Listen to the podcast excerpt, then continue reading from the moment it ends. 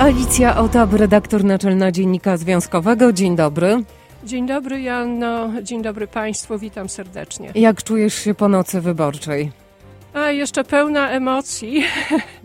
No, były niespodzianki i też nie było niespodzianek. Czegoś się spodziewałam i coś mnie zaskoczyło. I o tym będziemy rozmawiać e, w tym bloku. Rozpoczynamy jednak od połączenia z Moniką Myśliwiec-Gałuszką, koordynator do spraw polskich w Chicagowskiej Radzie Wyborczej Chicago Board of Election Commissioners. Monika ma dla nas najświeższe informacje.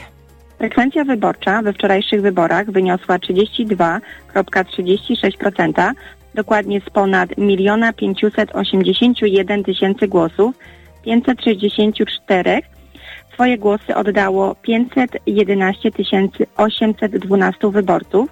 Cztery lata temu frekwencja wynosiła 35,45% oddanych głosów.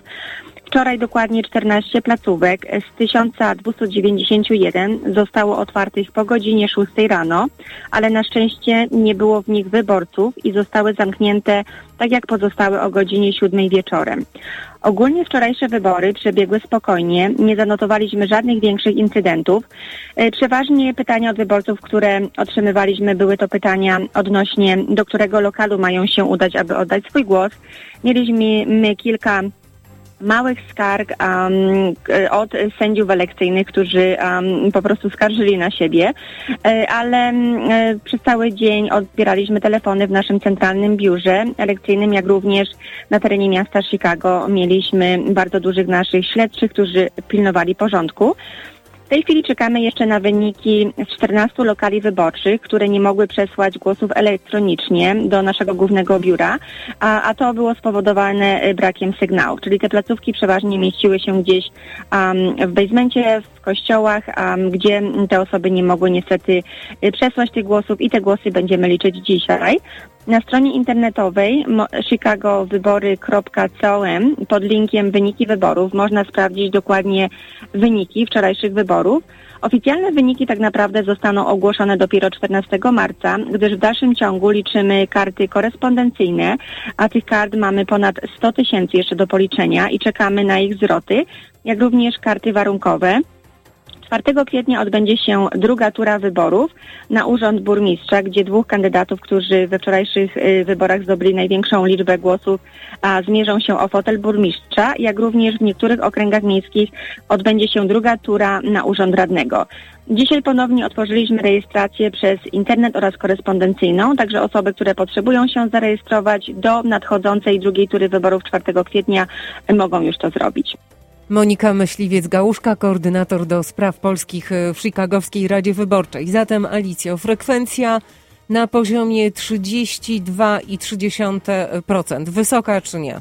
No nie jest to wysoka frekwencja i mniejsza e, przy urnach wyborczych niż e, w 2019 roku w poprzednich wyborach miejskich. Ale jak e, rozmawiałyśmy wczoraj i przedwczoraj, Anno, Natomiast y, y, była duża frekwencja w liczbie oddanych głosów korespondencyjnie i przedterminowo, czyli wcześniej.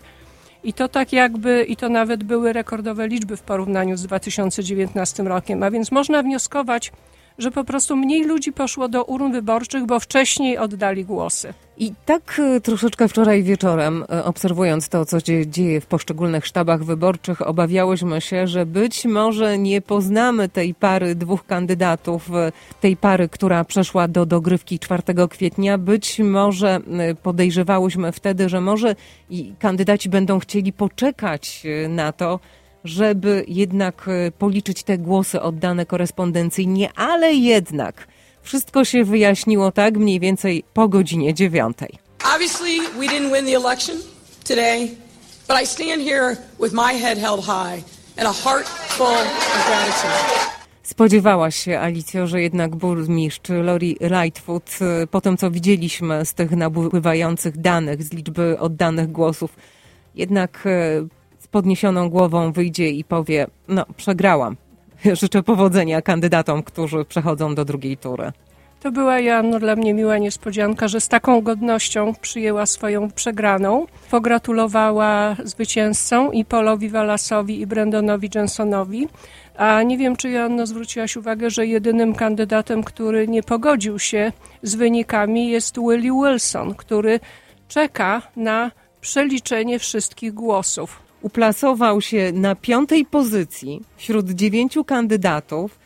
Y, Najwięcej głosów y, ma Paul Wallace, który mm, uzyskał 33,8% głosów. Na co liczy y, Willie Wilson wobec tego? Bo na pewno, nawet jeżeli wszystkie głosy zostaną policzone, nie przebije drugiego w kolejności Brandona Johnsona, który ma 20,3 w Dok- tej dokładnie, chwili. Joanno, dokładnie tak to e, ujęłaś i tak to widzą wszyscy obserwatorzy i komentatorzy, a aczkolwiek jeszcze wczoraj wieczorem Willy się upierał, że ma jakieś szanse zakwalifikowania się do finału i jeszcze czeka na policzenie wszystkich głosów. I received a call from Mayor Lightfoot congratulating me on being in the runoff. Nie Willie Wilson otrzymał e, telefon od burmistrz Lori Lightfoot, ale właśnie e, Paul Wallace. Były kurator oświaty, który w tych wyborach, e, wyborach burmistrza Chicago startował wcześniej. Bez powodzenia startował także w wyborach stanowych na gubernatora, na wicegubernatora. Tym razem udało się przejść do drugiej tury. I to e, nie było raczej e, wcześniej przewidywane, aczkolwiek już e, przed, na, na finiszu sondaże wyborcze wskazywały na Pola Wallasa jako na tego, który uzyska największą liczbę głosów i okazało się, Joanno, że te sondaże, te wyniki były trafne, co no, nie zawsze tak bywa, prawda? Często sondaże się mylą.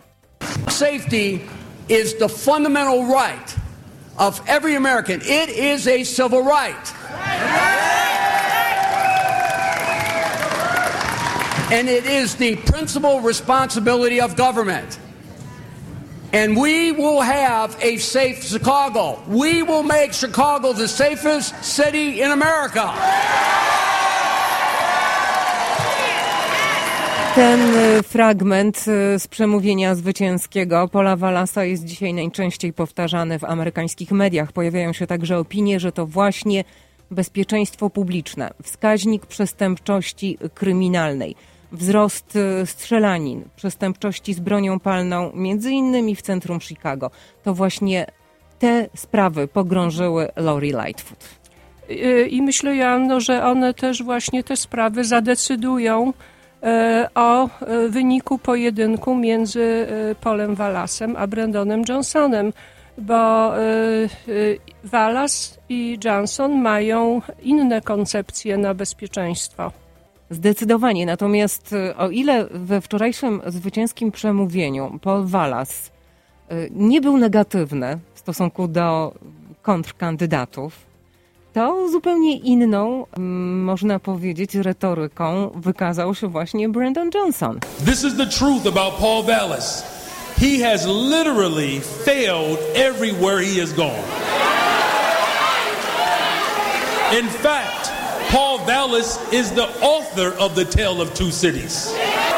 Chicago, we cannot have this man as the mayor of the city of Chicago. I w ten sposób y, rozpoczęła się walka o to stanowisko, o stanowisko, które zwalnia na pewno Lori Lightfoot.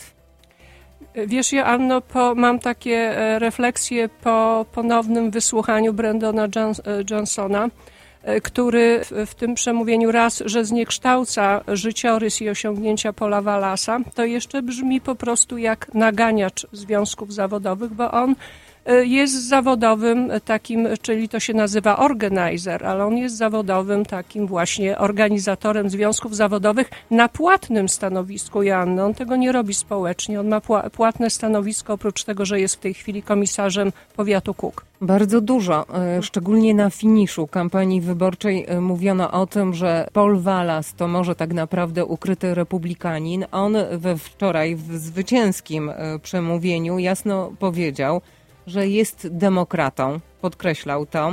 E, Należy zwrócić uwagę także, że ta jego kampania została y, przygotowana przez osoby związane także z kampaniami demokratów. Y, Tam y, ma wspaniałych współpracowników, którzy mu doradzają.